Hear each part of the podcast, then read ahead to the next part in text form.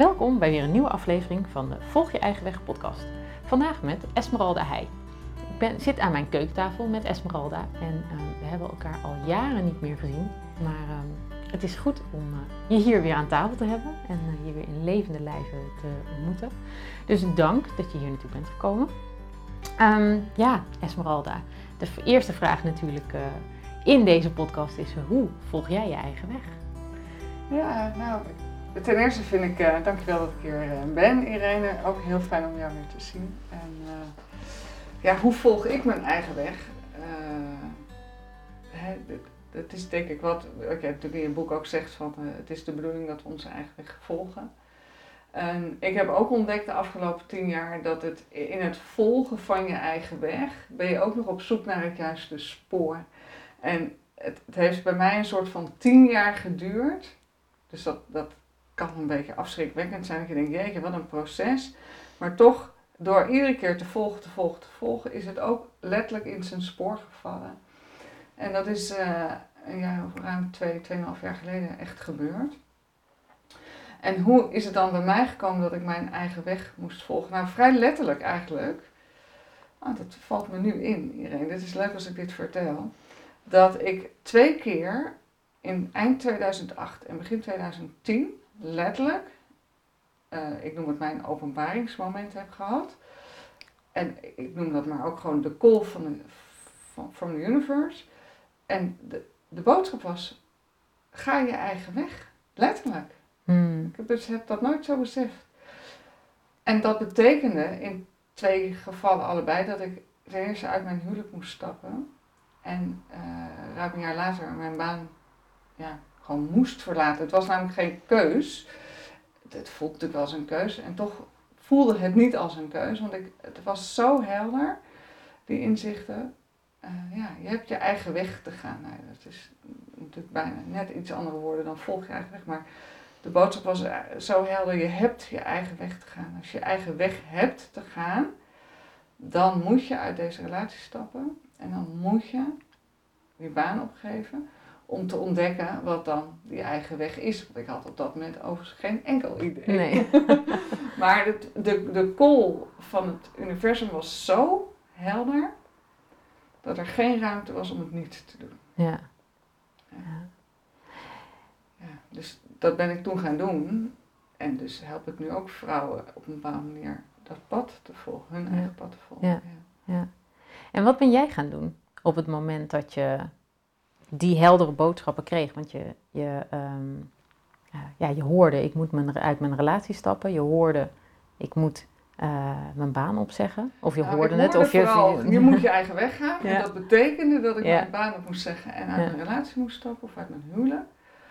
En wat ik dan ging doen, dat wist ik in eerste instantie helemaal niet. Eh, toen ik uit mijn baan wegging, bij mijn baan wegging, toen had ik wel de boodschap, ik ga een multinational in de liefde starten. Hmm. Dat vertelde ik toen al. Ik werkte bij IKEA. En ik vond het ook heel verdrietig om weg te gaan bij IKEA, omdat ik het zo naar mijn zin had. Dus in mijn geval dus ook niet vanuit een ellendige baan, weet je, eruit stappen. Ik had echt een droombaan zelfs. Ik dacht, dit is, nou ja, hier wil ik zijn bij IKEA. En deze call was dus nog groter. En ehm,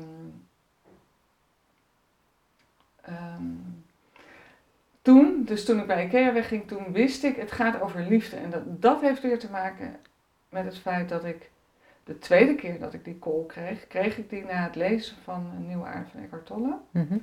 En, en voor mij viel het zo op zijn plek dat ik door Eckhart Tolle ben gaan zien dat er eigenlijk altijd een keus is. Hmm. Angst en liefde, noem het ego en bewustzijn, hè, allerlei, allerlei taal die je daaraan kan geven. Eh, kies je voor wantrouwen, kies je voor vertrouwen. En voor mij was het dus de taal kies je voor angst of kies je voor liefde. En, en ik had het boek al eerder gelezen, dus dit was de tweede keer dat ik het las. Dus ik was daar in die anderhalf jaar tijd ook al mee bezig geweest met die materie, want die was wel bij me aangehaakt. Eh, het is ook het enige boek wat ik echt nog veel vaker heb, heb gelezen, omdat, ik, omdat er zoveel, ja, het was voor mij echt een studieboek is het geworden. Mhm. Ehm, maar toen ik het voor de eerste keer las, zag ik ook al dat ik dacht, oh ja, je kunt kiezen. Oh, dat is ego. Het ego is het onbewuste. En het, het onbewuste wordt aangestuurd door angst, onzekerheid. En je kunt dus ook kiezen voor het bewuste, voor waar word ik blij van, wat, wat past wel echt bij mij. Dus toen ben ik me die vraag ook gaan stellen.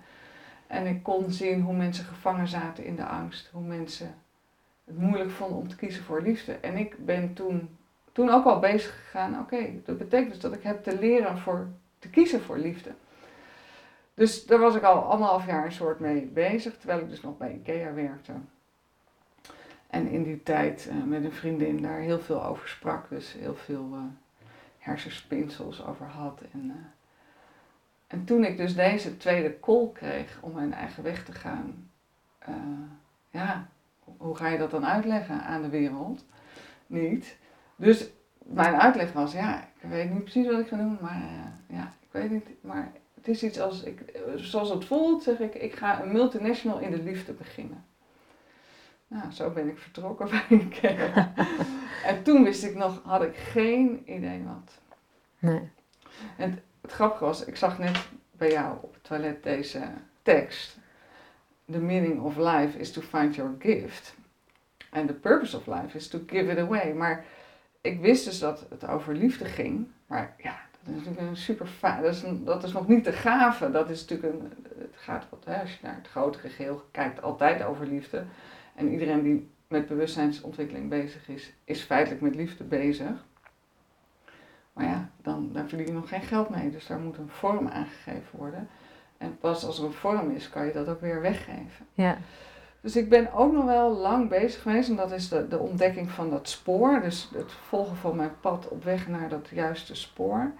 Dus wat is dan werkelijk mijn, mijn gift? Hè? Wat is dat dan? Ja. En dat heeft ook nog wel echt al wat jaren geduurd om te voelen wat die is. En, en als mensen het me nu vragen, dan voel ik me een boodschapper. Mooi. Mooi. En hoe komt dat, hoe komt dat, de, die, die, dat naar, naar boven? Hoe, uh, je bent een boodschapper. Uh, wat betekent dat voor jou? Nou, dat betekent dat ik uh, kennelijk liefde, of niet kennelijk, dat ik liefde giet in een vorm, zodat ik het tastbaar maak voor mensen. Mm Dus bijvoorbeeld even als voorbeeld, Eckhart Tolle is best wel ingewikkelde materie. Ik heb een online training gemaakt en de mensen die hem doen, die zeggen, hè, nou snap ik het pas. Dus ik kan kennelijk de vertaalslag maken van vrij ingewikkelde, universele, spirituele kost, zeg maar, mhm. naar de keukentafel. Maar wat, hoe doe je dat nou in je dagelijks ja, leven? Ja. want die cursus is over het boek van, of over de wijsheden van Eckhart Tolle. Deze is dan echt over Eckhart Tolle, maar ik heb nu ook een aantal online trainingen echt over liefde gemaakt ik ben inmiddels dus op zoek naar dat juiste spoor en liefde gaan onderverdelen in drie uh, aparte thema's. Mhm. Zelfliefde, samenliefde en universele liefde. Omdat liefde een heel groot containerbegrip is. Het omvat natuurlijk alles. En daar zit even een verschil in. Hè? Dus liefde in een relatie, of liefde met jezelf, of ook liefde met het grote geheel is echt nog wel een andere, mhm. andere materie wat mij betreft. In essentie komt het natuurlijk allemaal op hetzelfde neer, maar ook daarin, als je het praktisch wilt toepassen, helpt het ook weer om het wat kleiner te maken. En in het op zoek naar dat juiste spoor heb ik allerlei vormen gevonden om over liefde te vertellen. Mm. En Eckhart Tolle online trainingen, laat ik zo zeggen, is een vorm. Uh, het schrijven van mijn uh, boek. Inmiddels weet ik dat het het eerste boek is. Uh, er komt nog een boek en vermoedelijk nog een boek namelijk ook gekoppeld aan die driedeling, hmm. is me nu helder geworden. Toen ik mijn eerste boek schreef in 2013, autobiografisch boek, met de titel Het is kennelijk zo bedoeld, had ik helemaal nog geen idee dat ik drie boeken zou schrijven. Dus dat is ook allemaal later pas weer helder geworden. Ja. Maar ook met, ja, mijn boek is een vorm. Uh, ik schrijf veel blogs. Dus dat is ook een vorm waarin ik dus ja, ja uh, ja, de boodschap over liefde vertaal naar uh, praktische, ja, praktische verhaaltjes, ja. pra praktische tools om mensen, eigenlijk altijd zeg ik om mensen aan te moedigen om voor liefde te gaan kiezen. Ja, ja. Ja mooi. Ik kan me nog herinneren dat je toen, uh, toen je je boek aan het schrijven was, uh, dat je toen zei, nee, dit, is, dit doe ik één keer. Ja, nou precies. Dus en, nu zit je, en nu zit je midden in het proces van, van het schrijven van je tweede, van je tweede boek. Ja. Ehm, het eerste boek ging over zelfliefde, denk nou, ik. achteraf. Ja, Dus het- Ja. de- nu zeg ik, hé, hey, dat eerste boek ging, ging eigenlijk over mijn pad naar de volmaakte zelfliefde. Ja. Nou ja, Wat is volmaakt, maar... Ja. Ehm, en, en, en dat is, ja, dat is ook waar. Dat, dat, maar dat is, achteraf kon ik dat zien. En het boek is uitgekomen in 2016. En in 2017 was ik met een vriendin in Zuid-Afrika. En die vroeg op een dag aan mij, Esmeralda, wat, wat wil je nou gaan doen in je leven? Wat zijn jouw plannen? Dus ik wist inmiddels wel dat ik een gift had. Maar precies, en ik was op weg en ik volgde mijn eigen weg, maar ik zat nog niet helemaal in dat juiste spoor. Toen zei ze, wat, zijn je plannen? En toen zei ik, nou, ik heb eigenlijk nog geen idee. Ik zei, ja, nou, ik ben die boodschappen van de liefde. Ik denk dat ik dat toen wel helder had ook. Ik zei, ja, ik ga ook nog, ga ook nog een boek schrijven. En ik denk, nog een boek. En toen pakte ik mijn dagboek erbij en toen maakte ik een tekening over dat ik op me, me op dat moment realiseerde, ja, boek 1 gaat eigenlijk over de zelfliefde. Boek 2 gaat over de samenliefde. Maar ja, ik had geen partner op dat moment, dus dat moest nog even geregeld worden. En boek 3 gaat dan over de universele liefde. Dus dat was een soort vooruitziende blik die ik Mhm. met haar deelde. Ehm, en dat was ook een soort weten, dat ik dacht, nou ja, een soort helderheid. Oké, ja, logisch. Als ik mijn eigen weg volg, dan is dit wat ik heb te doen, onder andere. Ja. Eh, omdat ik toen ook al die driedeling heb gemaakt. Samen, zelfliefde, samenliefde, universele liefde. Maar ik had geen partner. Dus ja, het is moeilijk Ja. samenliefde te ontwikkelen als je geen partner hebt. En toen gebeurde er een wonder. Want drie dagen later had ik contact met een man met wie ik contact had. Op een hele sumiere manier. En die zei, ik weet niet wat er gebeurt, maar jij, ik zat nog in Afrika en hij was in Nederland. Zegt, ik weet niet wat er gebeurt, maar jij komt nu, ik voel van alles, er gebeurt van alles in mijn lijf. Dus ik denk dat dit nu wat signaal is dat we elkaar eh, nogmaals hebben te ontmoeten. Ik had hem één keer eerder ontmoet. In een Zweden, een half jaar daarvoor. En dat was André. Nou ja, dat is uiteindelijk mijn grote liefde gebleken. Ja. Wat ik toen op dat moment helemaal nog niet wist. Nee. Nee. Nee. Dus daar is het idee al uit het universum in mijn systeem geplopt om dus drie boeken te schrijven. Ja. En eh, ik ben pas, ja, ik ben dus nu met het tweede boek bezig. Ja. En met André samen heb je een bijzondere reis gemaakt, die ook ondertussen onderdeel van je werk ook is geworden. De reis langs de zeven sluiers. Mhm. Ehm, als ik het me goed herinner eh, en goed vertaal, maar eh, je, je vult me vast wel aan, Ehm, wilde hij graag met jou de zeven sluiers eh, bewandelen om elkaar beter te leren kennen. Ehm, ja, en de zeven sluiers mag jij alles over vertellen, want ik heb ze nog niet doorlopen. Ehm, dus waar, eh, kun je de, de zeven sluiers, waar komen ze vandaan? Eh, wat eh, wat hebben ze voor jullie betekend? Nou, ze hebben heel veel voor ons betekend. Het, het is iets anders gegaan dat, dat ik op zoek naar de ware liefde, gelovend in de ware liefde, dacht ja, dit is, ik ga alleen nog maar voor die ware liefde. Daar Mhm. was ik inmiddels van overtuigd dat het, dat het kon bestaan en dat het, dat het ook voor mij was weggelegd. Toen hoorde ik in 2015 een podcast met Reinoud Eleveld. En die zei nou, als je dan in de ware liefde gelooft, doe dan de zeven sluiers. Mhm. Die heb ik opgeslagen. Ik heb wel de klok horen luiden, maar echt had geen idee waar de klepel hing. Maar ik riep vanaf dat moment, dus november 2015, iedere man die met mij wilde zoenen, zeg ik nee, ik doe de zeven sluiers. Want ik wil het allemaal voorzichtig aandoen en ik wil niet meer eh, zomaar met een man in bed duiken, ook niet zomaar zoenen. Dat leven had ik namelijk wel gehad, na mijn scheiding.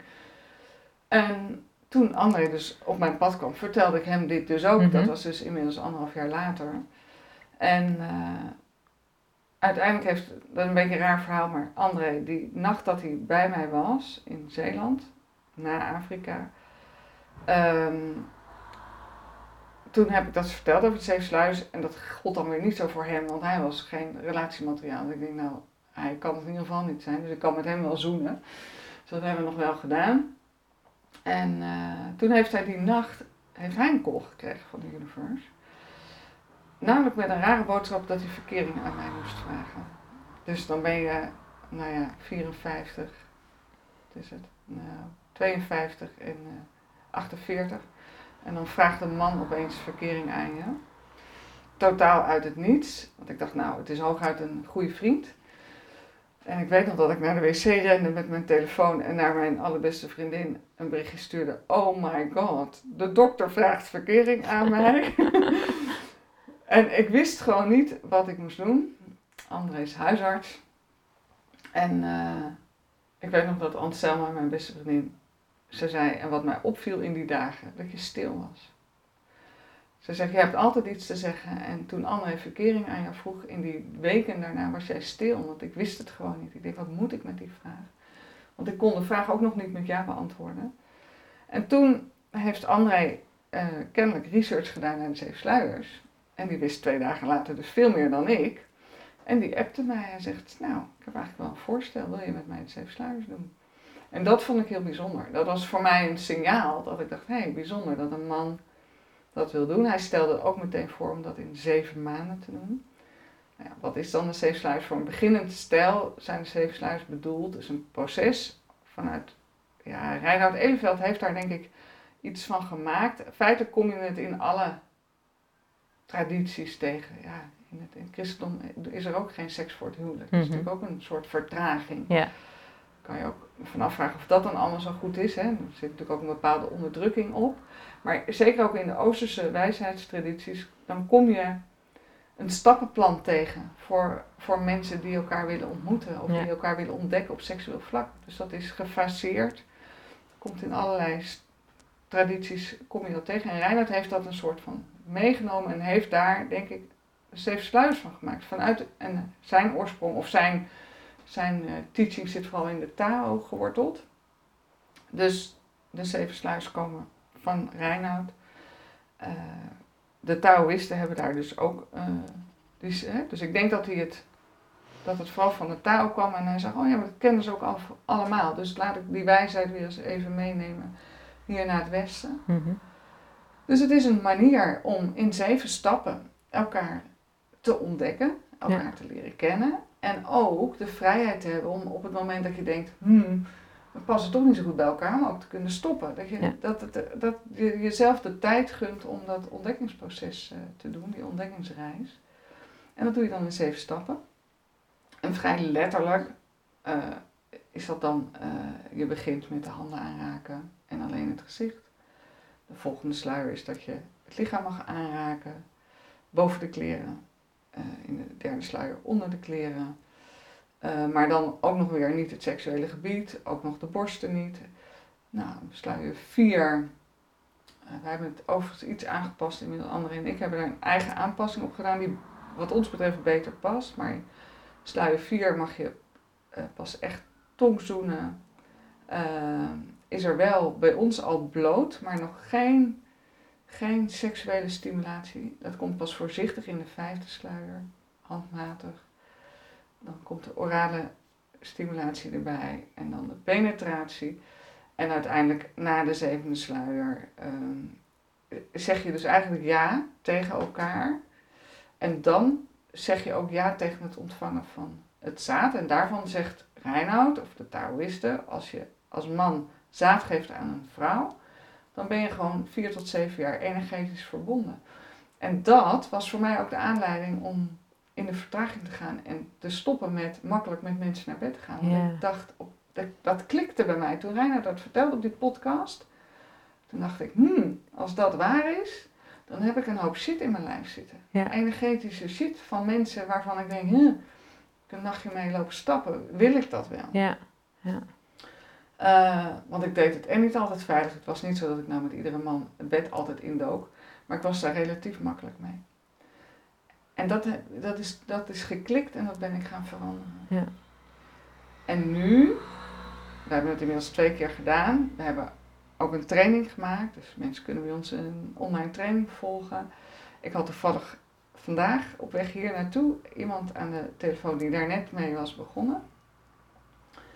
En zij had vorig weekend bij deze man geslapen, maar nog in pyjama, zoals, dat dan, uh, zoals je dat dan doet in de eerste twee sluiers. En hij had haar teruggegeven van jeetje, wat heb ik genoten van het aanraken van je handen, het aanraken van je gezicht. Wat was het bijzonder dat ik je op deze manier heb mogen leren kennen. En in onze maatschappij, joh, als we elkaar leuk vinden, ja, zoenen, vrij, al ga je niet meteen met elkaar naar bed. Dus dat doen we bijna altijd al op de eerste avond. Ja. Dus we gaan voorbij aan zoveel schoonheid, Ja, die je eigenlijk alleen maar kan ervaren als je jezelf dwingt te vertragen. ja, Nou, en, en, en dus ook dwingt te beheersen. En dat is wat de sleepsluis dus met zich meebrengen. En dan kan je dingen ervaren die je niet voor mogelijk houdt. nee. Ja. nee. Prachtig. En jullie hebben net, ehm, eh, nou net, begin dit jaar hebben jullie een, een, een, het met een groep gedaan, eh, Ja. volgens mij. Ehm, kun je daar, kun je vertellen wat er, wat, nou ja, dit, deze reactie van deze dame was natuurlijk al prachtig. Eh, kun je nog iets meer vertellen Nou, wat dit- mensen ervaren? Of wat je zelf, Kijk, deze Echt. dame die is dus in een nieuwe relatie, dus die Ja. is net begonnen. En eh, in de groepstraining hebben we twee keer gedaan. Dat zijn voornamelijk bestaande stellen Ja. die heel graag nog willen verdiepen in hun seksualiteit. Daar is ook 9 van de 10 keer nog een issue mee. En ik denk dat als we heel eerlijk aan de wereld gaan vragen over mensen die al 5 of 10 of 20 jaar bij elkaar zijn, eh, 40, 50, 60 zijn, dat er rond het thema intimiteit en seksualiteit, nou ja, voor 80, misschien wel 90% issues zijn. Ja. Bij iedereen, Ja. bij alle relaties. Dus mensen zijn ook op zoek naar handvatten om daar iets mee te doen. En dan Ja. is de cijfersluiers een mooie manier ja, om een soort een herijking te doen, opnieuw te ervaren, nieuw, opnieuw, een beetje opnieuw te beginnen. Terug naar de onschuld, dat is waar het erg over gaat. Veiligheid creëren, de hartsverbinding herstellen. En vanuit die hartsverbinding opnieuw de seksualiteit ontdekken. En dat is dan voor iedereen anders. eh, maar iedereen, waar iedereen achter komt, is dat ze slecht over seksualiteit communiceren. En de zeven sluiers dwingen je om te communiceren. En zeker met de oefeningen die Anne en ik daarbij hebben bedacht. mhm, Eh, en dat is voor heel veel mensen heel helpend. Die zeggen, oh, dat is, we zijn echt anders gaan communiceren. Ja. En wat ook bij alle stellen aan de hand is. Eén stel was dat niet zo, omdat die vrij jong nog bij elkaar waren. Mhm. Maar eigenlijk alle stellen is dat er echt oude, niet opgeloste pijn naar boven komt. ja, En dan is de vraag, ben je samen krachtig genoeg om, om ermee aan het werk te Ja. gaan? En, dan kom je, en daarmee zijn de zeven sluiers ook wat ons betreft niets anders dan een fantastische tool om te werken aan bewustzijnsontwikkeling binnen de relatie. ja, ja, Je ja. ontkomt er eigenlijk niet aan. Ja. Dus er zijn ook mensen die zeggen, Esmeralda, had je ons niet even kunnen waarschuwen dat het niet alleen maar een beetje een leuk proces is, maar dat het gewoon he- ja, heftig werk is. ja. Nou, dat, die waarschuwing hebben we overigens wel gegeven. Maar Ja, ja, ik zeggen, niet die- door iedereen gehoord. Die waarschuwing heb ik zeker wel gehoord. eh, Ja. ja, wij waren Ja. natuurlijk ook geïnteresseerd Ja. om eh, aan de slag te gaan. We hebben het uiteindelijk niet gedaan. Ehm, maar het, het, het triggert wel, eh, of het triggert. Ik, ik blijf het een fascinerend proces vinden om inderdaad een eh, relatie eh, te starten op die, eh, Ja. op die manier. Of inderdaad opnieuw naar je relatie, Ja. eh, naar je relatie te kijken. En inderdaad, het, ik denk dat het ook een, een soort maatschappij-ding is. Dat, we al, dat alles maar snel moet tegenwoordig. En dat dus ook Nee. seks maar snel moet. En dat Precies. dat we maar, zeker denk ik, kijk dat een man dat meteen wil, is misschien ook een natuurlijk ding, maar als vrouwen zijn we ook minder geneigd misschien om te zeggen, nou ik wacht nog even. Uit angst om, althans als ik naar mezelf kijk, in het verleden in ieder geval, dan is het ook de angst voor de afwijzing of de angst voor, oh wat zal die van me vinden als ik zeg dat ik nee zeg. Of, en dat is eigenlijk natuurlijk gewoon heel gek. Maar als je, daar zo- dan, als je daarop inzoomt, Irene, dan zie je dat wij heel veel dingen doen vanuit angst. Ja. Hè, vanuit bang zijn voor de afwijzing. eh, cultureel bepaald, eh, waarbij Reinoud daar een goede eh, leraar in is. om mij in ieder geval heel erg bewust te maken hoe eh, mannen pornografisch gefixeerd zijn en hoe vrouwen daarin faciliteren. En toen ik terugkeek naar mijn relaties voor André, dacht ik, nou, ik heb niet anders zelf ook gedaan. Ik heb gefaciliteerd. Ik heb, Ja. ik had, ik heb op een gegeven moment ook een relatie gehad waar, waar, waar die man dus heel veel porno keek, wat voor hem volstrekt normaal was. Ik was er al lang dat ik dacht, ja, ik voel al lang dat dat niet meer klopt. Dus daar was ik wel aan voorbij al. Maar toch heb ik hem heel lang gefaciliteerd in Ja. die wens om whatever. hè, een soort pornoactrice in bed te zijn, wat ik echt kan, want ik was seksueel echt wel vrij. Wat ik zelf ontdekt heb daarin, en dat is ook nog wel een bijzonder thema wat ik nu heel erg tegenkom, dus dat speelt echt heel recent nu in mijn leven, ook met het schrijven van mijn tweede boek, wat dat boek gaat over de samenliefde. Mhm. Er zijn zeven een belangrijk onderdeel in, maar ook de thema's die je in relaties tegenkomt. En veiligheid is een enorm groot thema. Mhm. Slash onveiligheid. Ja. En ik kom erachter dat er maar heel weinig mensen veilig zijn. En zoveel mensen hebben al, als het om zelfliefde gaat, een issue op uh, onveiligheid. Dat wordt bijna altijd weerspiegeld in uh, relaties. En de pornografische fixatie, die was daar volledig overheen, alsof dat Ja. er niet is. En door in de vertraging te gaan met de safe sluis, kom je de issues die, die er zijn rond veiligheid, kom je tegen. Want als je snel gaat, dan kan je die subtiliteit niet voelen Nee. in je lijf. En ik dacht dat ik veilig was. En ik kwam bij de tweede keer, moet je nagaan, dat ik, toen ik met anderen de tweede keer de, tweede, de safe sluiers deed, toen ontdekte ik een veiligheidsissue bij mezelf. Dat ik dacht, ik ben, zit op slot, ik wil helemaal niet open. Hmm. Kennelijk wil ik niet open, omdat ik me niet veilig voel. En wij hebben echt de tijd genomen, maanden, om dit te onderzoeken. Hmm. Waarbij ik dus een man nodig had die tegen mij zei: Esmeralda, je hoeft niks. Je hoeft niks. Al vrije weken, maanden niet. Je hoeft niks. En dat gaf, dat is dan de basisveiligheid. En, Ja. en in die veiligheid kan ik, kon ik onderzoeken, maar waar zit dat nou bij mij? Ja. En, toen, en dan kwamen er op hele rare momenten kwamen de tranen en de inzichten. Dat ik dacht, oh, maar ik voel me, ik heb een onveiligheid op bij me binnendringen. Er is nooit iets vervelends gebeurd, maar ik heb ooit een, een vriendje gehad, of een minnaar moet ik zeggen. Die ging altijd heel stevig met mij zoenen om seks met me te hebben. Hmm. Dus dat was een stevige stimulatie om uiteindelijk me op te winnen voor de seks. Maar daar zat dus ook een soort trauma op. Dat is, feitelijk is dat onveilig geweest. Ja. Nou, allemaal relatief. En, maar dat soort ontdekkingen deed ik. En ik heb met André, daar, we, hebben echt wel, we hebben best wel lang moeten werken om dit eruit uit mijn systeem te krijgen. En nu zijn we eigenlijk pas weer in de, in de, we zijn helemaal terug in die veiligheid. En nu merk ik hoe ik me kan openen, hoe ik, hoe, en dan allemaal heel subtiel. Dus het gaat allemaal niet Mhm. om stimulatie, maar dat gaat allemaal veel subtieler. En dat is echt dankzij de zeepsluiers. Ja. Ja. Ja. ja, mooi ook dat, het, dat, er, ehm, dat je een man hebt getroffen die, dat, die daar alle ruimte voor geeft, ook in die groei naar jezelf en, en eh, of of in jezelf, je eigen groei. En, en daar dus ook alle ruimte en rust voor, eh, ja, voor biedt eigenlijk.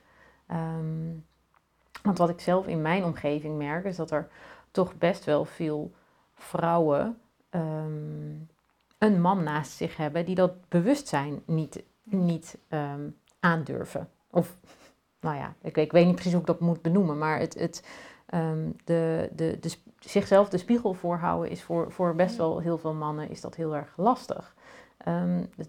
Ja, jij bent, je hebt een unieke man in mijn optiek gevonden, maar Nou ja, er zijn er vast meer.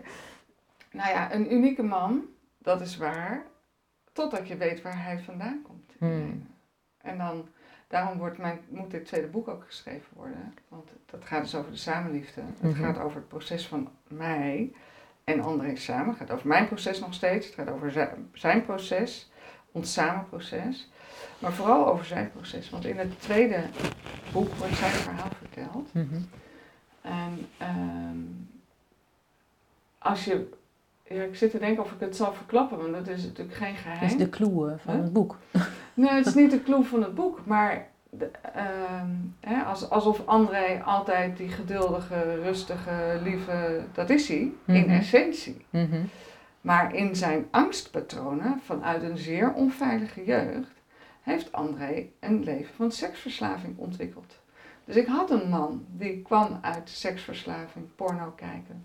Dus, dat, dus, dus het, nieuws voor, of het goede nieuws wat mij betreft is, als André het kan, Ja. kan dus iedere man. Want Ja. André is ja, op een bepaalde manier uniek, omdat hij het aandurft te kijken. Ja, Maar hij komt van minstens zo ver als de gemiddelde man, zo Ja. niet verder. ja, En dat is wat mij betreft het hoopgevende van dit tweede boek.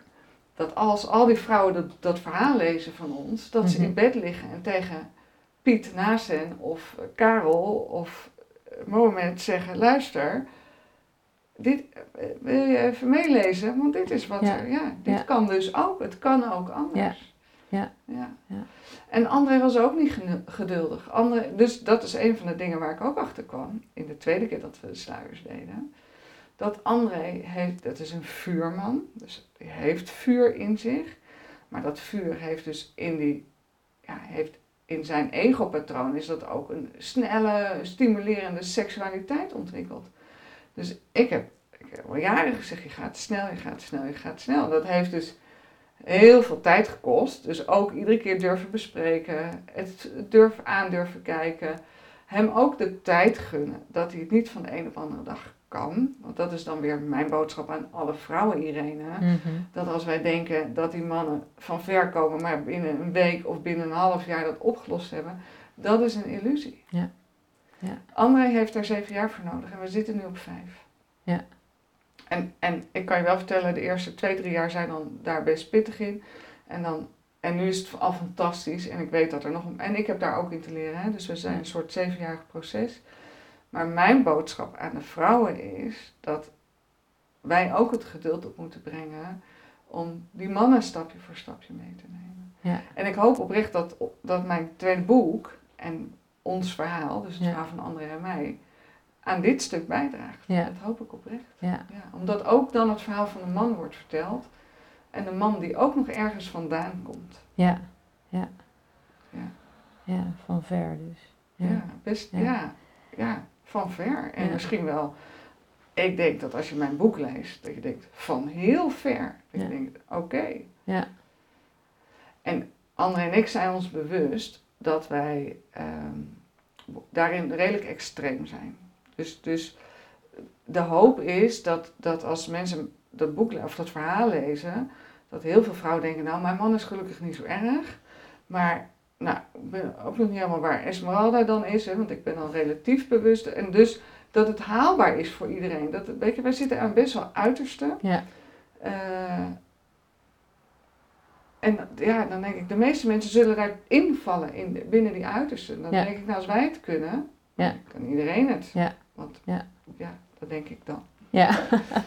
En het is natuurlijk zo. eh, Kijk, André heeft ervoor gekozen eh, om op zijn 53ste een tweede kans te krijgen en hem echt te pakken. Mhm. Want het was voor hem of, of het is klaar of ik ga het nog een keer doen.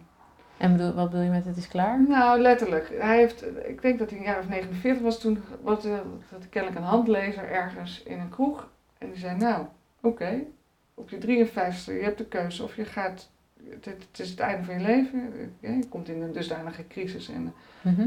Eh, dus je, je kiest of dan om het, om het eh, kapot te laten gaan, of je kiest om het nog een keer opnieuw te doen. Dus die boodschap kreeg hij al op zijn 50ste en op zijn 53ste kwam die crisis. Mhm.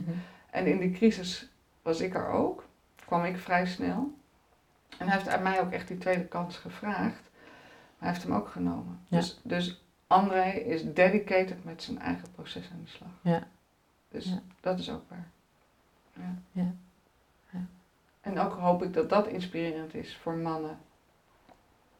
En daar heeft hij wel hulp bij nodig Mhm. dit soort beschadigde mannen, want André was feitelijk gewoon een zeer beschadigde man. Ieder mens overigens dat zeer beschadigd is, heeft andere mensen nodig op dat pas van, pad Ja. van bewustzijnsontwikkeling. Ja. Dat kan je niet alleen. Nee. Nee. Nee. Kan je niet alleen. Nee. En hoe groter de beschadiging, hoe meer hulp je nodig Ja.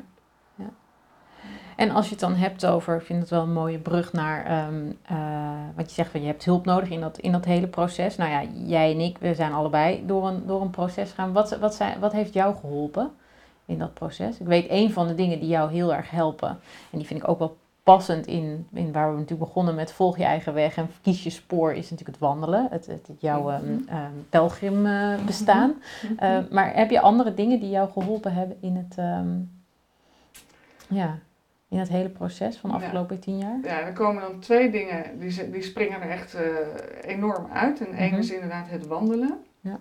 Ik heb in 2012, toen ik voor het eerst, naar, oh, toen ik naar Santiago ging lopen van Saint-Jean-Pied-de-Port, dus dat is zo'n tocht van 800, 900 kilometer, ontdekte ik heel snel, ik denk op dag 1, ik ben een pelgrim. Hmm. En dat, ik, ik, dat, dat was zo helder, dat, is, dat was zo geconnect aan mijn essentie, dat ik het, het idee om daar niks mee te doen, dat was onmogelijk. Dus ik moest ook weer, en niet een moeten vanuit mijn hoofd, maar een moeten vanuit de essentie, omdat het je spoor is, om je weg Mhm. is, ehm, invulling geven aan mijn pelgrim zijn. Ja. Dus ik ben vanaf 2014 ben ik van Santiago naar Jeruzalem gaan lopen. Ja, achteraf is een heel belangrijk proces geweest. Mhm. Dus ik heb in totaal 5000 kilometer in mijn eentje gelopen. Daar zoveel geleerd. En daarin, eh, toen ik op weg was naar Jeruzalem, heb ik uiteindelijk, dat was dus in 2020, die zelfliefde ook echt vervolmaakt. Dat, hè, dus, dus dat boek 1 gaat over de zelfliefde, maar dat eindigt in 2000, begin 2016. En terwijl ik dus op weg naar Jeruzalem, ergens in Turkije, heb ik, heb ik een moment ervaren. Maar ik, dit is klaar. Dit is, ik, ik, heb, ik snap het, ik kan het, ik doe het. Helemaal gelukkig te zijn met mezelf.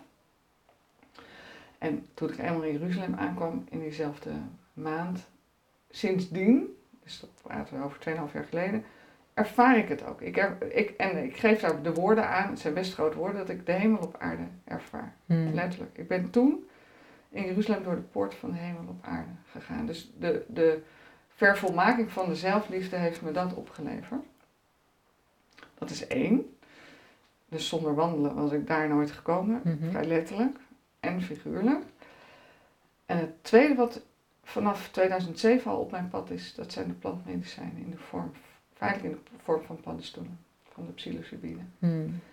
En dus mijn spirituele pad begon in 2007. Mhm. En eh, het eerste wat ik ongeveer op dat pad deed was paddenstoelen nemen. Hmm. Eh, en die hebben mij in 2008 een dusdanige life-changing ervaring gegeven. Nog voor mijn twee openbaringsmomenten, die ik in hele nuchtere toestand heb ervaren. Dat die, die, die life-changing ervaring in 2008, die heeft alles veranderd. En die heeft ook het, mij het vertrouwen gegeven dat op het moment dat ik die call kreeg van de universe, dat ik dacht, ik heb te gaan. Ja. Ik heb te gaan. Ik voel de kracht in mij. Ik kan niet anders letterlijk dan mijn eigen weg te volgen. Ja. En de paddenstoelen hebben me daarna, inmiddels werk ik dus ook met paddenstoelen veel. Dus ik, heb, ik ben zeg maar van 2008 tot en met 2016 heb ik gewoon dat allemaal voor mezelf gedaan. Ik kreeg overigens op weg naar Santiago wel de boodschap ook. Het is de bedoeling dat je een ervaringsdeskundige wordt op het gebied van plantmedicijnen. Dus ik ben ayahuasca gaan drinken, iboga, kambo, bufo. Dat heb ik allemaal in zeg maar drie jaar heb ik dat veelvuldig gedaan. Mhm. En dan ook weer niet ieder weekend, maar wel zes, zeven weekenden per jaar. En dan twee, drie ervaringen in een weekend, weet je wel. Dus dat was echt wel Intens. eh, intens. Ja, ik had ook van die intensive weekenden waar, ik, waar, waar we dat dan deden. En pas in 2016 heeft de ayahuasca mij verteld, toen ik afscheid nam van de ayahuasca, je mag met de paddenstoel gaan werken. Of het is de bedoeling dat je met de paddenstoel Hmm. gaat werken. Dus sinds doe ik dat. Eh truffels, paddenstoelen, werkzame stof, psilocybine. En ja, ik had hier ook niet zo gezeten als ik, als ik dat niet ontdekt had, de Mhm. wereld van de plantmedicijnen. En het goede nieuws daarin is ook wel weer dat ik daar ook helemaal mee gestopt ben, omdat, het, omdat dat me gediend heeft en ik voel dat dat klaar is. Dat, dus het is ook weer een fase. Ja. Dus ze hebben me enorm geholpen. En wat ze vooral hebben gedaan, is mij eh, geholpen om deze zinnen, dus jouw titel van je boek Volg je eigen weg, om die te toetsen. Hmm. Dus ik zat op mijn eigen weg. Ik, ik was al op weg naar het juiste spoor. Ja. En de paddenstoelen lieten mij, of de ayahuasca lieten mij iedere keer zien, je bent op weg naar het juiste spoor. Je bent in ieder geval onderweg. En Ja. ik had in die periode allemaal nog gedoe met relaties. Ik had nog gedoe met geld. Ik had nog, hè, er waren allemaal issues in mijn leven. Eh, dus het was echt niet zo dat, mijn, dat het een en al roosgeur en maanschijn was. Behalve dat ik iedere dag kon voelen, maar ik ben wel precies waar ik moet zijn. Dus het klopt wat ik doe. En ik verdien misschien nog niet zoveel geld als dat ik dacht. Maar toch, eh, ben ik precies waar ik moet zijn. Dus kennelijk heb ik daar nog iets in te zien of op te lossen. Ehm, maar dat, ja, dus ik heb dat. Dus het, het, is niet altijd makkelijk geweest, maar het was, de paddenstoelen lieten me altijd zien: Esmeralda, je, bent, je zit op, op de juiste weg. En toen ik eenmaal in Jeruzalem aankwam, toen heb ik gevoeld: ik ben in dat spoor gevallen. In dat Esmeralda spoor, wat natuurlijk nog een onontgonnen spoor is. Want mm dat pad is nog niet gelegd. Ehm, en toen, was, toen klopte het. Dus toen ik eenmaal door die poort van de hemel op aarde was, ging het aan alle kanten stromen. Financieel geen alles opgelost.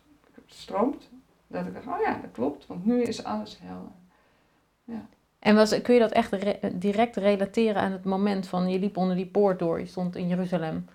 Um, en je ging, de volgende dag was het uh, halleluja? Of, of hoe, nou, moet het ik was dat zien? Natuurlijk al, het was natuurlijk al jaren een soort van halleluja. Mm Maar allemaal nog wel een soort van, ook nog mijn uitdagingjes. En dingen die toch nog niet helemaal in het energetische veld in balans waren. Ja. En ik heb, het is niet dat ik die shift heb ervaren. Ik heb alleen geconstateerd dat na Jeruzalem, nadat ik letterlijk door die, die, die poort ben gelopen. Mm ik, de, mijn familie stond te wachten, mijn ouders en vrienden stonden te wachten en André uh, onder de Jaffa-poort bij Jeruzalem, dat ik de maanden daarna constateerde, oh maar ik ben alleen maar in balans. Hmm. Dus er was geen onbalans meer. Ja. En dat is gebleven. Overigens met de, de, de notitie dat ik uh, afgelopen jaar echt onderuit ben gegaan. Dus, ik heb, dus, ik heb, dus dat heeft twee jaar geduurd, zeg maar, die hemel op aarde. Mhm. Ik ben er overigens weer helemaal in terug. Maar met een kleine onderbreking, en ik ben nog niet helemaal helder waarom de universe mij die ervaring heeft gegeven, maar ik ben, uh, ik heb COVID gekregen in maart 2022, dus dit jaar. En uh, ik ben daarna onderuit gegaan. Kan ik niet anders beschrijven dan een, een emotioneel mentale instabiliteit die ik niet ken. Die ken ik überhaupt niet, want ik ben mhm. altijd, ook met mijn strubbelingen, ben ik altijd stabiel. Uh, dus totale nieuwe ervaring was dat. Dat ik uh, helemaal onderuit ging. Geen vertrouwen. Um, geen overzicht. Uh, paniek. Nou, ik weet, ik weet echt niet wat paniek is. Ik snap nu wat paniek is. Want ik heb het nu ervaren. Zonder dat ik erin wegviel. Want daar had ik dan weer voldoende bewustzijn voor. Dus ik, mhm. ik, kon het allemaal waarnemen.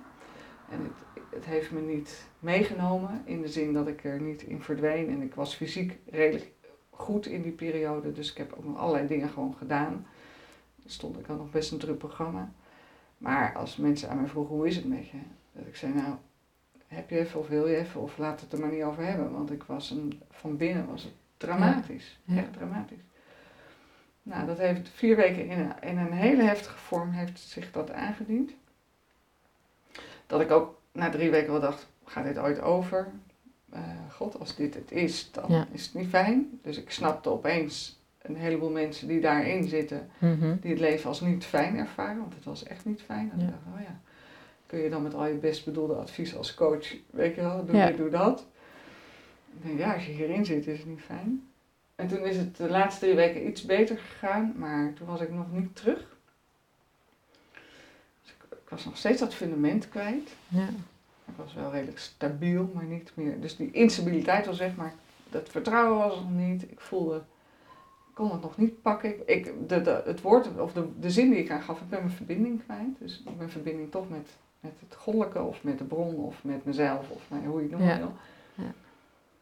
En wonderwel, ik heb er geen verklaring voor, maar uh, had ik op 7 mei een ceremonie. En Anselma vroeg nog aan mij, wil je dat ik hem leid? Want zij had dat al een ceremonie overgenomen van mij.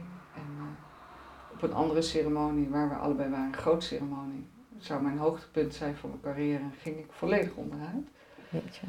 Dus dat was, daar heeft zij het ook over moeten nemen. Dus zij zei, wat wil je? Ik zei, nou, ik wil eigenlijk wel even testen of ik weer in staat ben om, uh, om de ceremonie te leiden. Dus dat heb ik gedaan. En toen werd ik enorm uitgedaagd gebeurde iets vervelends met iemand. Ik kreeg feitelijk een bad trip, vrij heftig. En uh, Anselmo en Riep mij, die haalden mij daarbij. Ja, en dat kon ik gewoon keren. Ik kon erbij blijven, ik kon het keren. En het was binnen nou, zeg maar een half uur, drie kwartier was dat weer helemaal goed geshift. En ook met de dame in kwestie goed geshift. En uh, dat ik dacht, oh ja, dit kan ik alleen maar shiften omdat ik er weer ben. Want als ik er niet zou zijn, zou ik het niet weten. Dan zou ik, uh, en ik voelde me toen heel krachtig. En dat is dus sindsdien niet meer weggegaan. En ik voel me bijna nog krachtiger dan ervoor. Dus die hemel op aarde is weer helemaal terug. Ja. Ja, gek hè? Ja, alsof er toch nog een, een, ergens een stuk zat waar je afscheid van mocht nemen of zo. Althans, zo heb ik het. Ik heb namelijk dit wat jij omschrijft onlangs ook weer ervaren. Uh, volledig weg zijn van, van alles wat eigenlijk goed was. Maar daarna, ja, is het opeens weer beter of sterker. Of de, alsof er dus iets is in je wat, ja, wat zich moest, uh, ja, waar je af, nog afscheid van moest nemen, misschien onbewust of onbewust. Uh, ja, ik weet, ja, of onbewust waarschijnlijk, want anders had je het wel geweten waarom het was. Nou, ik heb, niet, ik heb dan niet het gevoel, en het zou kunnen hoor iedereen dat ik het niet weet, maar als, als, je, als ik naar mijn eigen, als ik mijn eigen waarneming erop zet, dan denk ik, natuurlijk, het, het was de bedoeling, want anders kan het niet gebeuren. Mm -hmm. Dus het was ook ergens voor nodig. Mm -hmm. uh, dus dat klopt allemaal. En hoe ik het dan toch meer ervaar, is dat ik door deze ervaring. Uh,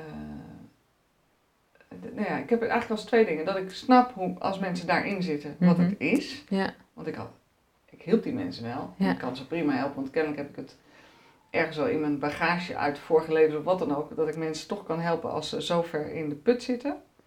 Dat doe ik al jaren. Ik krijg Mhm. vrij ook wel heftige mensen Ja. die, heft, die er heftig aan toe zijn Ja. op een pad. Eh, of die in een langdurig eh denken, jeetje, ik loop maar vast, ik loop maar vast. Dus daar kan ik mensen Mhm. wel uithalen.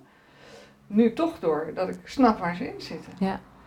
Ik denk, ja, maar ik begrijp, ik snap nu wat paniek is. Ik snap dus dat je het hele fundament kwijt bent, want dat kende ik niet. Nee.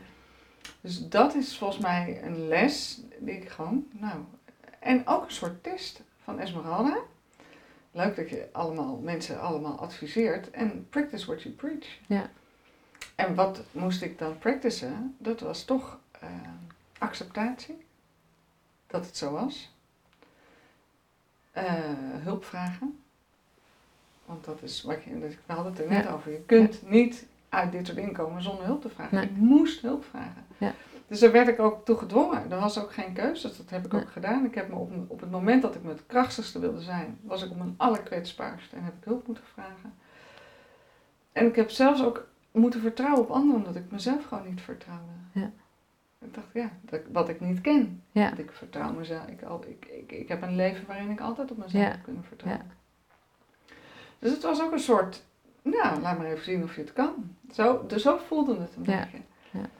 En of er dan nog een lijk uit de kast, want dat zeggen dan mensen, ja, zat er dan toch nog iets wat, Ja.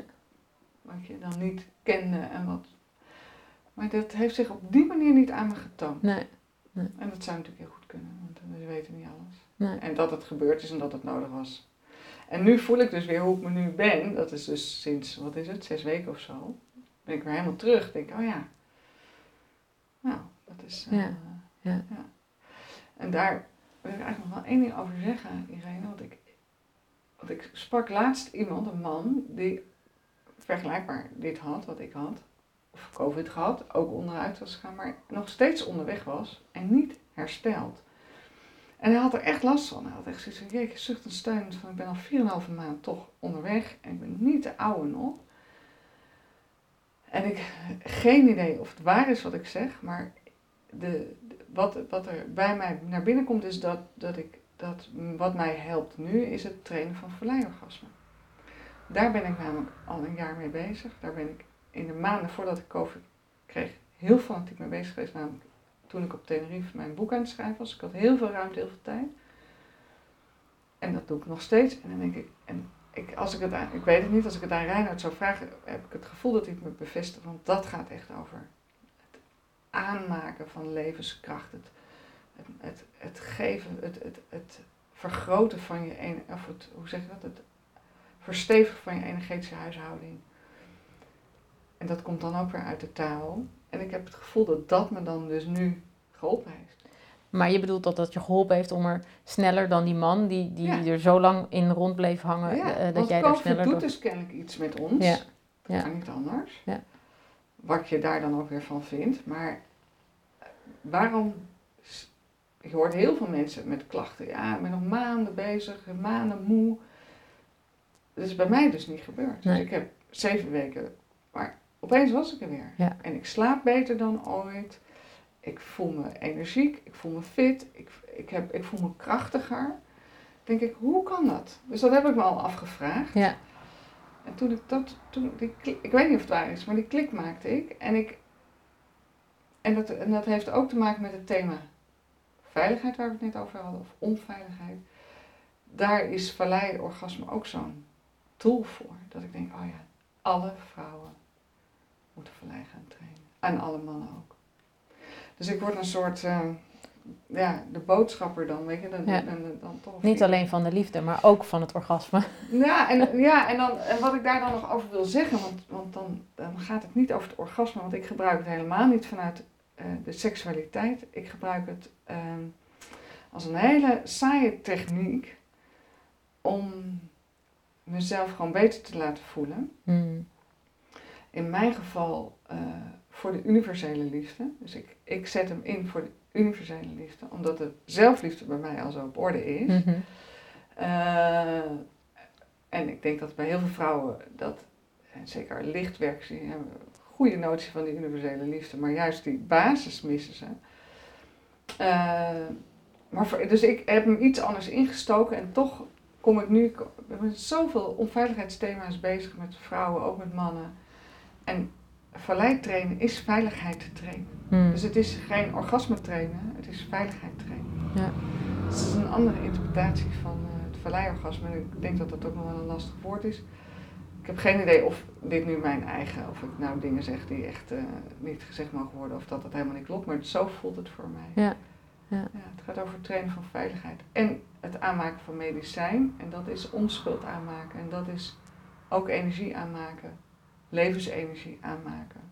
Krachtiger worden, letterlijk. Ja. Dus veiliger en krachtiger. Dat. En ik was al veilig, dus, maar ik voel dat het me krachtiger maakt. En juist dat krachtige, daarvan heb ik het gevoel dat ik daardoor nu Ja. die switch heb kunnen maken. Ja. Want ik was er echt niet goed aan toe. Ik was, ik was er slechter aan toe dan de gemiddelde mensen die COVID Ja. had, zeg maar. Ja. Niet zozeer fysiek, niet met luchtwegproblemen, maar emotioneel Ja. gezien. Mooi. Wild guess. I Ja. know.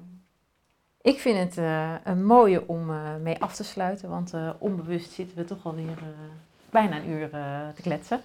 Dus niet in de gaten. hè?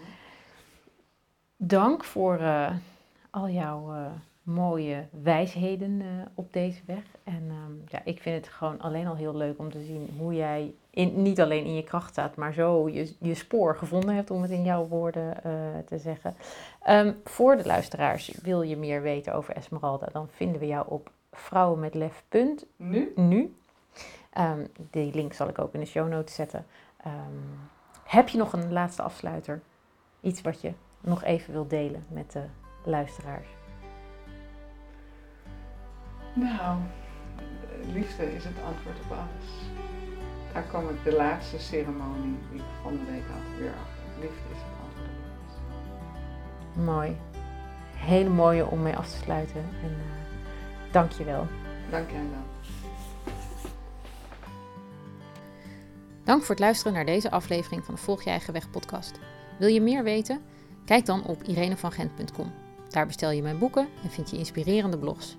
Ik wens je een hele fijne dag en ontmoet je graag weer bij de volgende aflevering.